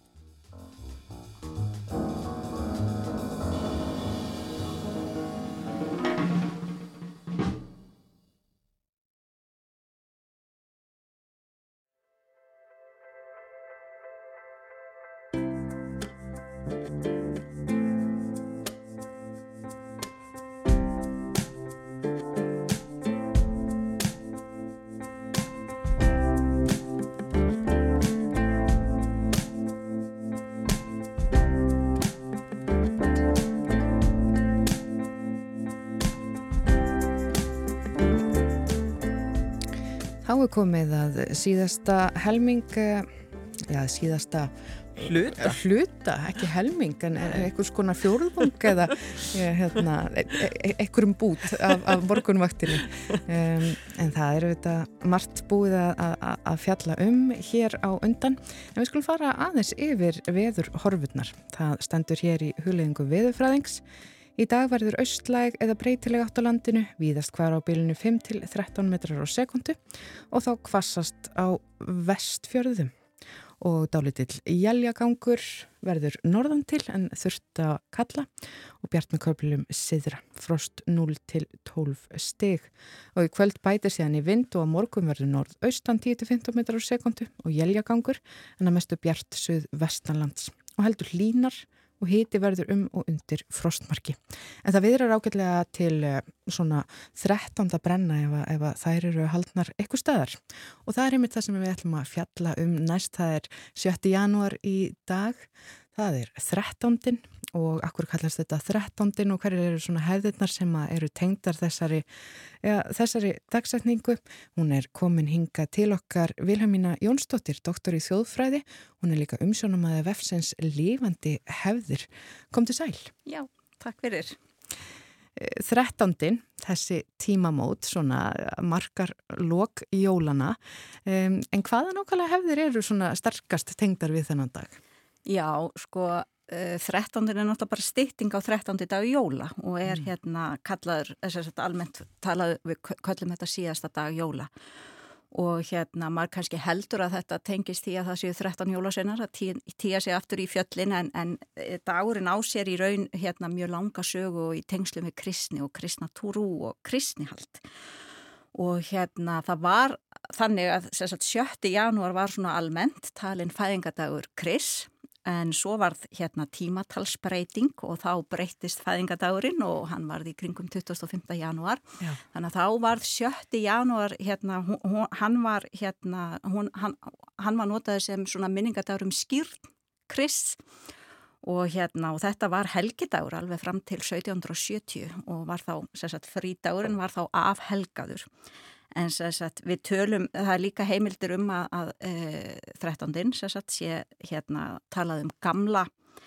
gömlu jólin eða, eða jóladaginn gamla og þess vegna er líka ímis svona þjóðtrú sem almennt tengist jóladeginum, hún á líka við og jóladagsnóttinni, hún á mm. almennt við hérna 13. líka þannig að hérna við höfum það er svona ímis, hvað getur maður sagt, kingi eða sem hérna tengist 13.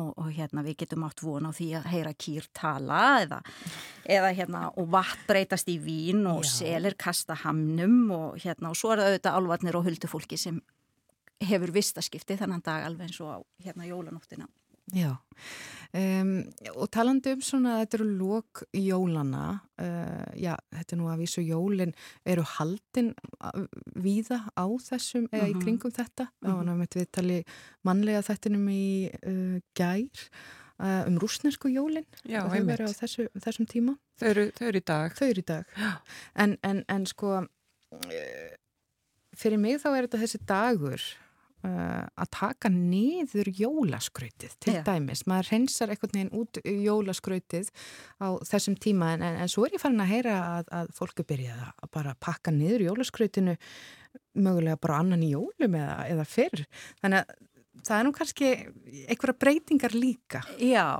einmitt um, hérna rannsónasettur Háskóla Íslands á ströndum þjóðfræðstofa gerði könnun fyrir bara örfáum árum um hérna jólahald og meðal annars 13.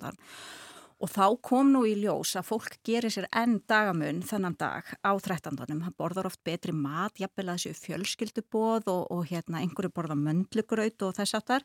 En svo er mitt líka það að fólk hérna tekur niður jólaskrauti, tekur niður jólin og pakkar því saman borðar síðustu smákökunar eða konfettmólana og hérna eh, skýtur upp síðustu flugveldunum, notar það tækifæri. Þannig að þessi dagur er ennþá svona, fólk, fólk gerir eitthvað sérstakt þennan dag og tengir og svo höfum við þetta eins og nefndir hérna þessar skemmtanir að hérna e, 13. brennur og það er kannski fyrst að mm, upphála var það kannski frekar varadagur fyrir áramóta brennurnar og hérna það hérna að, því að við búum nú við okkar veðurfar hér á Íslandi að þá eru gælt að tækifæri til að hafa útiskemtanir og brennur eða hérna einhver þess aftar gleði en þær eru hérna e, svona 13. gleði og brennur hérna en þá bara víða og hérna í bara mjög mörgum sveitafélögum og bæjafélögum og ofta er þetta íþróttafélög og ungmennafélög sem standa hérna fyrir þessu og hérna ég veit til dæmis án þess að ég þekki það persónulega en hérna í Vestmannegjum er að hérna haldin gríðarlega hérna vegleg og mikil 13. skemmtun og hérna sem skipar stóran þátt í lífi bæjabúa þar og, og hérna ég held að hún sé mitt í kvöld. Já, eh, ég ætla að fara þá sko út úr svona almennum spjalljum 13. Mm. yfir í þessa síðu sem að þú eh, ert umsjónumæður yfir, kallast lifandihefðir.is um, segðu aðeins frá hvað, hvers konar upplýsingum er miðlað á þessum vef? Já, sko Eh, þessi vefsíða er í tengslum við að, að hérna Íslandi er aðildaríki að samningi UNESCO um varveislu og óáþröfanlegu menningararfi. Og UNESCO, sérstaklega menningamálastofnun Evrópu lætu sér menningararf auðvitað miklu að varða og við þekkjum kannski hérna, heimsminjasamningin og heimsminjaskrána þar sem mm. hérna, eru varveittir staðir og byggingar og hérna, svona, hérna og bara er mjög þekkt og þetta er í raun svona sýstur samningur og sýstur skrá þessa hérna þess samnings og þarna eru við að tala um sagt, hefðir, siði, hérna, e, hátíðir og hérna Uh, svona félagsvenjur og kannski ekki síst líka handverki þess að mm. þetta óáþreifanlega í menningunni að, og UNESCO þannig að leggja áherslu á það að það sé ekki bara hlutur og byggingar sem við séum að varveita sem menningararleið heldur líka það sem við gerum og einmitt siðina og hérna handverkið og, og þess aftar og þessi sagt, vefur er sagt, leður í því að hérna gera sínilegt og sapna þekkingu um og miðla hérna þekkingut um hérna okkar bara óáþreifanlega menningar arf mm.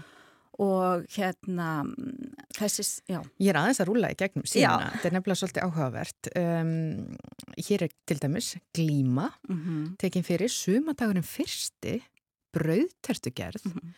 uh, þjóðtrú í tengslu við að ganga á Helgafell og Snæfellsnesi, gömlu dansarnir, harmonikkan, hljóðfari, gleði og dansmenningar, maðuradagsblóm Kvenfélags Húsavíkur, landnámshænan og að fara í berjamó og ættarmót. Og svo eru sko fleiri undir síður, ég, þetta er bara svona áforsíðinni, þetta er óbúslega eh, kannski fyrir marga hverstagslega hlutir. Emmitt og það er emmitt svo skemmtilegt við hefðirnar okkar og, hérna, og þetta svona, þennan óáþrjáðlega menningarar og lifandi hefðir ef við hugsaum það að hérna, þær eru bara sprellifandi. Marta þessu á sér rætur í fortíðinni og til dæmis þarna þjóðtrúin að ganga á helgafell og líti ekki við og geta óska sér og hérna og það er eitthvað sem kemur, hérna, hef, hefur borist mann fram að manni og til okkar í dag og hérna og við höfum þetta en svo eru líka mitt nýri hefðir eins og kannski bröðterturnar og ástinn á mæjónissi og að bjóða upp á mæjónistertur og, og hérna það er bara mitt stórt samfélag áhuga fólk sem bröðtertur og bröðtertur gerð og hérna, og okkur finnst þetta kannski kvestaslegt en þetta er eitthvað sem hérna berst mann fram að manni og þess áttar og þá auðvitað líka við um hérna, hefðirnar og siðin okkar, jólahefðirnar og 13. hefðir og, og annað, jólahaldið og áramótin en líka einmitt bara þessar svona félagsvennjur þar sem við gerum, einmitt mætum í saumaklúpi eða erum í hlaupahópi, förum á ættamót mm. og allt þetta er hægt að skoða undir þessu ljósi sem einhver, einhver, einhverjar menningar arfleifðar mm. og hérna sem við hérna miðlum áfram til næstu kynsluðar og hérna út af það gengur þessi vefur að hérna gera þetta svona sínilegt og hérna UNESCO sagt, þá leggur áherslu á það að þetta sé líka alveg mikilvægt eins og hlutin sem við setjum á sapn eða húsin sem við marðvitum. Já og já, þessi hlutir eða sagt, þessar mm, gjörðir eða, eða já, hvað hva, hva kallar þetta? Óþrjóðanlega menningar eða lifandi hefðir. Já. Þessar lifandi hefðir sem aðtað þarna inn á þessa mm -hmm. síðu, hver sagt, velur þetta og, mm -hmm. og, og fer þetta í gegnum mjög mikla nefnd eða hvernig er svona eh, ferillin? Það er einmitt svo skemmtilegt að, að þessi samningu UNESCO að hérna hann leggur áherslu á það og þetta verkefni og þessi vefur að hérna það er fólki sjálft sem miðlar þessu og sagt, vil skrá þannig að þarna hafa á þennan vef sagt, félagsamtök og, og einstaklingar og áhuga fólk og fólk með þekkingu og það hefur miðlað sinni þekkingu þarna og það er það sem við köllum eftir. Við köllum eftir samstarfi við fólk og félagsamtök sem er tilbúið til að deila og miðla þekkingu sinni og það er í raun einmitt engin stöðlun eða engin rétt hefð eða rétt leið til að fagna þrettandanum eða, eða gera brauðtörtuna heldur einmitt að hérna hefðin er mismunandi, hefðinar eru mismunandi, það fjölbreytilegi innan þeirra, það er mismunandi einmitt hvernig mann taka jóli niður, hvort mann fara á áramótabrennu eða ekki og og, og hérna svo framvegis og hérna þannig að hérna svona verkefni gengur út á þessi hugsun að þarna að miðli fólk og félagsamtök sjálft uh, sínu, sinni menningararlega sem það vill deila og sína og það er það sem UNESCO leggur áherslu á í þessu að það sé alltaf með í samstarfi við og með þáttöku frá mm. þeim sem samsama sig þessari hefðu eða hefðum. Já, uh, það er alveg ekki allar þessar, þessi sem ég taldi upp eins og ættarmótið að fara í berjum og hitta mm. þetta komið með svona, já þennan stimpil UNESCO eða hvað? Nei, sko, hérna þetta er hérna bara svona yfirleitt skrá okkar hér á Íslandi og, mm. og fólki hérna velkomið að hafa samband við okkur hérna hjá átnastofnun eða levandihefði.is að hérna til þess að skrásetja eða vill miðla sín, sínum hefðum og taka þátt í þessu verkefni en svo er það auðvitað þannig að UNESCO heldur út í skrá og þá eru það ríki sem tilnefna á hérna, skrá UNESCO yfir óþræðarlega menningarar mannkins og þar er sko heldur betur fjölbreytni. Það eru 180 ríki sem eru aðilar að þessum samningi og núna eru 677, ég held ég séu öruglega að fara með rétt að tölu, af alls konar fyrirbærum skráð á skrá UNESCO yfir samheilan og áþreifanlega menningarar mannkins og það er til dæmis fyrirbæri eins og miðjarðarhafs mataræðið, belgisk bjórmenning, kýmvest brúðuleikús Og svo hérna fengum við fréttir að því í desember að til dæmis franska bakettið það var skráð á hérna, þessa skrá og handverki við það og, og bara þýðing þessi í franskri menningu. Og svo höfum við hérna frá Finnlandi til dæmis sánamenninguna og við höfum nú aldrei hliðstæður hér, við getum alveg tengt það til dæmis við sundlega menningu að hún er mjög hliðstæð sánamenningunni og, og við hefum okkar einmitt laufabrauð sem er svona sér íslensk hef kannski, þannig að við þurfum hérna kannski líka að undirbú okkur að taka það samtal hvort að mm. eitthvað okkar hefðum eftir erindi inn á þessa skrájuna sko yfir óaþrjóðanlega menningar sem við viljum kynna og sína og sína heiminum. Já, þannig að ekkert af þessum íslensku hlutum hefur fengið þennan óbyrmbara stimpil eða hvað? Jú, sko, hérna handverkið við smíðum súðbyrst frá báta, það er á skrá UNESCO yfir óafröðulega menningararf hérna mannkins og hérna það gerðist núna 2000 20 eða 21, nú er maður svo rugglaður í ártölunum fyrst að komi nýtt ára en hérna, en þess að öll Norðurlöndin þau stóðu saman að tilnefningu og skráningu á hérna handverkinu við smíðið súperstra báta á þessa skrá. Og það voru þess að strandmenningarfélug á öllum Norðurlöndunum sem höfðu veg og vanda þeirri vinnu og þeirri hérna tilnefningu.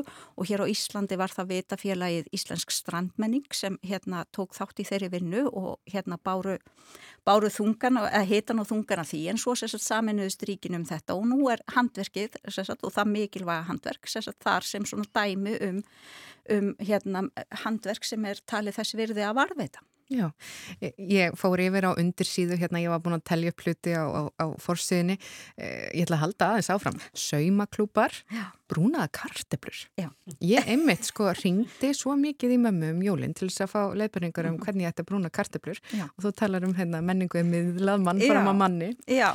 Eh, Jónsmessan er hérna mhm. bolvíska blótið. Já. Við vorum nefnilega með bæjarstjóra Bólungavíkur á línunni í morgun mm -hmm. og þetta þorrablót mm -hmm. verður haldið núna í janúar Já. með minni 21.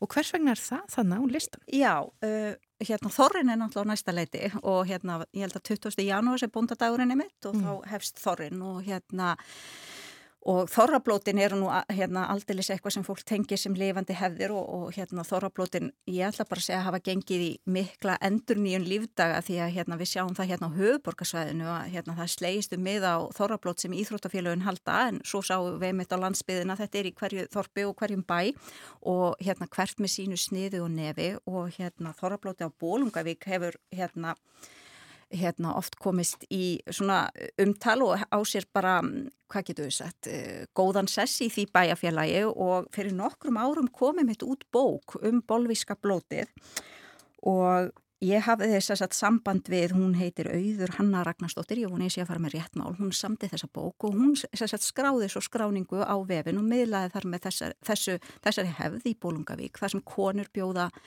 mönnum sínum á þorrablót og það eru auðvitað skemmtun og skemmteðatrið og þetta á sér langa sögu þarna í bænum og bara skemmtilegt að miðla því að þarna er einn, ef að segja gerð eða tegunda þorrablóti og hérna og, en sem eru auðvitað víða um land líka og á sér ákveðna sam, svona, um, svona sameilir þræðir en bolvíska blótið skar á þannig En það er einmitt, er þetta ekki fyrir hjón og sambúða fólk? Hvað þá með þá sem eiga kvorki maka? Eða ekki, eiga bara ekki maka? Já, hérna þessi umræða kom upp fyrir nokkrum árum og ég get náttúrulega kannski ekki alveg svara fyrir hana en hefðin hjá þeim er þannig að sagt, maki, eða sagt, konur bjóða hérna, eiginmönnum sínum eða maki mm, en, mm. en svo eru þarna einhverja reglur um hérna, ekkjur og annað og, hérna, og ég vissum að hérna, bæjarfélagi og þeir sem standa fyrir og hérna, þorrablótinu finna bara út úr því.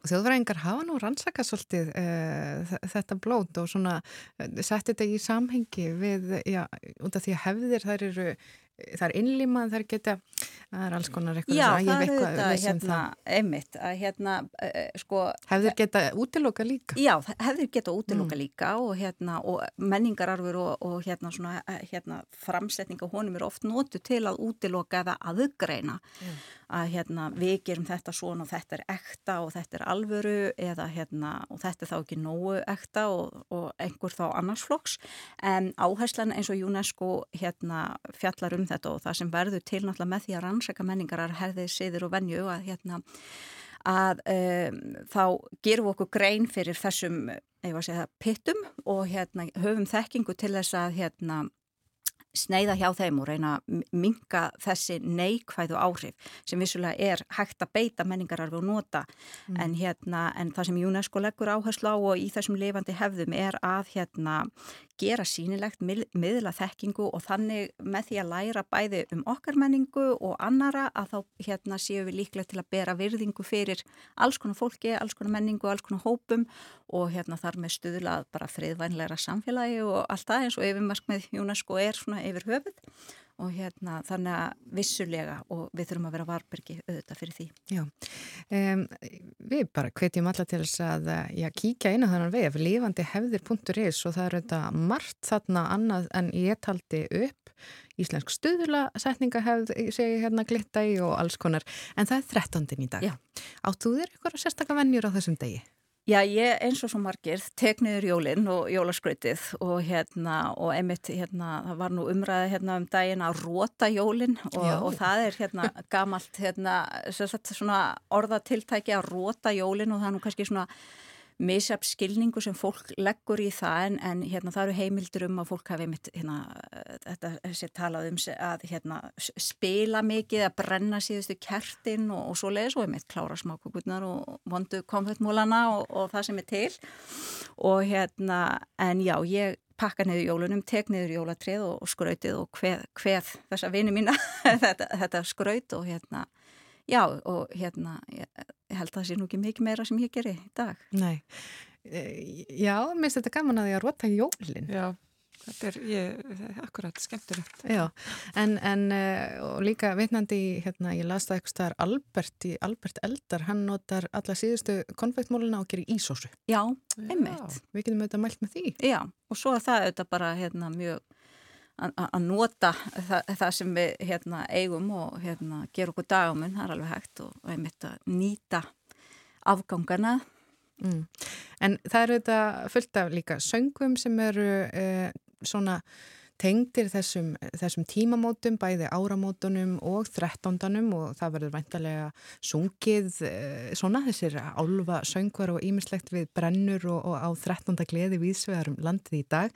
En ég þakka þér fyrir komin að hinga á morgumættina Vilhelmína Jónsdóttir, doktor í þjóðfræðu og umsjónamaður. Doktorsnemi verði að grýpa hér. Já, já, já, doktorsnemi mm -hmm. í þjóðfræði og umsjónamaður vefsins lifandi hefðir sem við erum búin að aðeins að stúdera og fara í gegnum.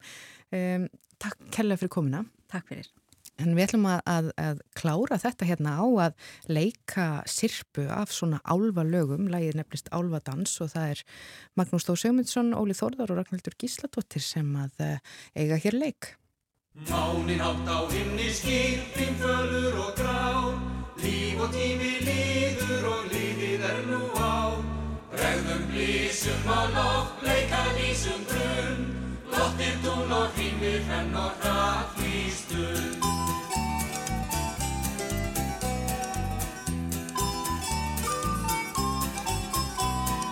Kynla vorra hefjum há, ormið hverjum á, Þáttu dansinn stígum, unar í sinn grá.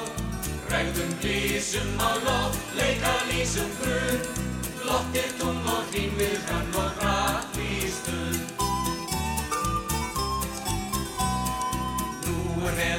næsta frík, nóttinn er svo blíð, Lattir viss í vindi, lattir líf í tíð.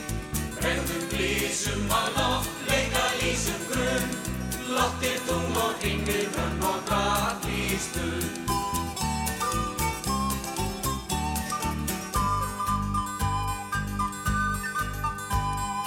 Nú er glatt í hverjum hól, tátt nú allir hveði, hinstu nóttum heilug jól, höldum alva kleði. Fagurt er rökkrið við ramman hætta söng, syngjum dátt og dansum, því nóttin er svo laung. Syngjum dátt og dansum,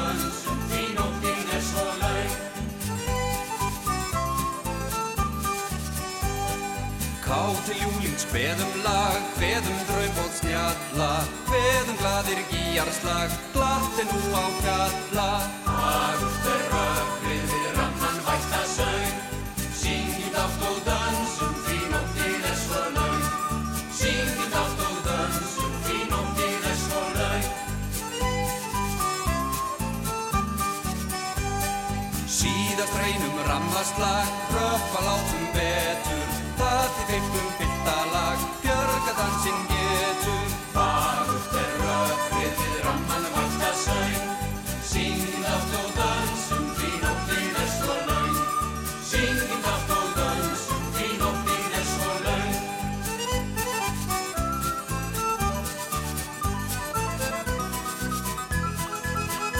Nú er frost á fróni frís í æðum blóð. Veður hundar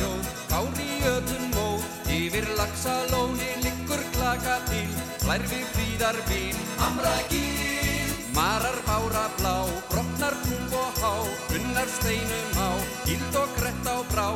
Yfir afla tjóni, aðra skipstjórin Harmar hlutin sinn. Á setinn Þögull þorri heyrir þetta harma hvein Gefur griðei nein,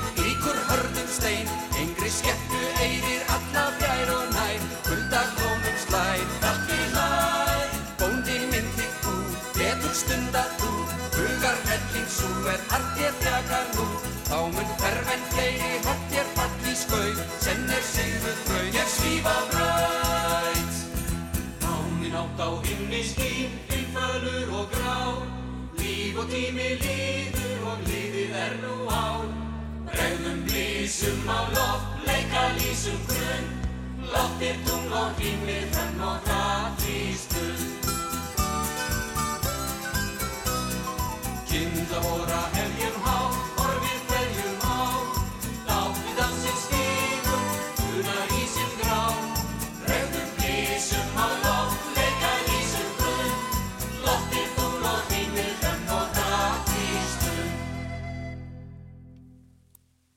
Sirpa hér af já, áramóta 13. lögum, svo heitir þessi Sirpa Álva Dans. En það er að, já, komið að lokum hér á morgunvaktinni en við erum búin að vera að tala um 13. og þú ert nú aðeins búin að skoða, Guðrún, það er nú margar brennur viðsvegar. Já og eftir tveggjára hlið þá er hægt að kveðja jólinn hressilega eftir að COVID kom í veg fyrir það undanverðin tvö ár. Hafnafyrir þá er 13. gleði í Mósvisbæ, Vestmannegjum, í Bólungavík og tveimur stöðum í Reykjavík, það er á ægisíðunni og í, við Guðunarsbæ, Grafvóinum og Akranesi er fljóðeldaðsýning og brenna, Borganesi, Stikkisólmi, Ölfusi, Selfossi, en þar þurfti er held ég ef ég mann þetta rétt að aflýsa áramótabrennunni. og þannig að þeir ætla bara að gera þetta hressilega í ár. Já, eins og hún sagði hérna þjóðfræðingur, eða doktorsneiminni þjóðfræði, réttar sagt að, að, að 13. brennu væri oft svona uppbót ef, ef Já, ekki hefur tekist að halda áramótabrennu. Og það er þannig í Árborg. Og djúpavogi, það er þre- 13. gleðið þar, borgarfyrðið eistri. Já, þetta er bara svona út um allt land. Já, og alls ekki tæmandi listi Nei, svo nei, sem. nei, nei, alls ekki. En uh, við höfum auðvitað, uh, ég fjallaði um ímislegt hér á morgunvættinni, byrjum á ringja til Bólungavíkur og gaman að hafa spjallað til dæmis um, um 13. gleðina þar. Við líka rætum aðeins byggðakóta, það hafa verið útluta byggðakóta uh, til ímissa plása á landinu og rætum líka við formann Læknafélagsins Steinni Þóradóttur. Já, hún kom enga til okkar eftir frétta yfir lit klukkan halv átta og saði okkur frá stöðunni í heilbrískerfinu og meðal annars hversu gamlir læknar er að verða á Íslandi meða við, við annar staðar. Mhm. Þeir eru náttúrulega eldast og nýliðum kannski ekki nóg. Og svo var Kristján Sigurjónsson, reitstjóri túrista með okkur eftir áttafréttir og saði okkur frá því svona helsta í ferðaheiminum. Já, og svo enduðum við á því að ræðum hefðir og, og, og, og margt áhöfur sem kom þar fram. Brúnaðar kartablur og áþreifanlegur menningararfur. Þetta er nú bara svoleiðis. En uh, við þökkum fyrir okkur, uh, Guðrún Haldanadóttir og Gíja Holgestóttir. Við erum búin að vera með ykkur síðustu þrjá daga og höfum haft gaman af. Uh, Morgunvektin verður svo sínum stað hér eftir helgi. Veriði sæl.